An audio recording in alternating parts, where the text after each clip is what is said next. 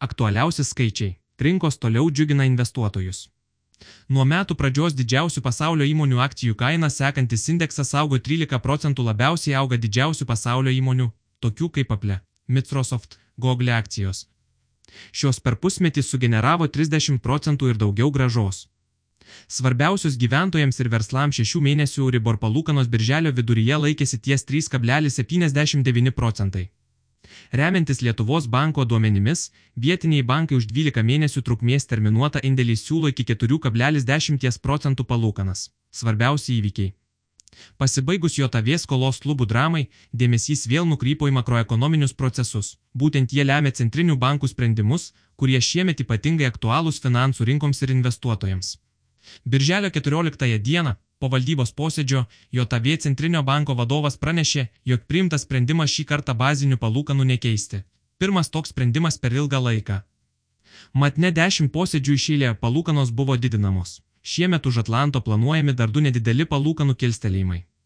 Birželio 15 dieną Europos centrinis bankas, kaip ir prognozavo rinka, bazinės palūkanas padidino 0,25 procentai Europoje šiemet galime tikėtis dar bent vieno palūkanų didinimo, po kurio turėtų sekti atokvėpis. Birželio pradžioje Saudo Arabija paskelbė apie naftos pasiūlos mažinimą, motivuodama per smarkiai nukritusią žaliavos kainą rinkoje. Bet naftos kainoms teigiamos įtakos tai nepadarė.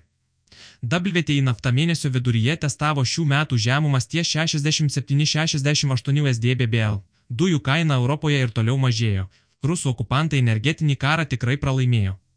Patikslinus pirmojo metų ketvirčio bendrojo vidaus produkto duomenis, šiemet eurozonoje fiksuota techninė recesija. Kol kas ekonomika traukiasi labai nežymiai. Bet investuotojai užduoda esminį klausimą, ar tuo šis susitraukimas ir pasibaigs, ar tai tik proceso pradžia, Gilesnė recesija šiuo metu yra viena didžiausių investuotojų baimių. Galiausiai JAV vertybinių popierių komisija pradėjo atvirą karą prieš kripto pasaulį. Birželio pradžioje kaltinimai dėl įstatymų ir reikalavimų nesilaikymo pateikti dviem didžiausioms kripto keitykloms - Binance bei Coinbase. Nors teisiniai procesai greičiausiai truks daugybę metų, tokia JAV reguliatoriaus pozicija, bent trumpuoju laikotarpiu, apsunkina kripto adaptaciją artimiausių metų. Po itin svarbių makroekonominių duomenų ir centrinių bankų susitikimų, antrą birželio pusė įvykių ir naujienų prasme bus ramesnė.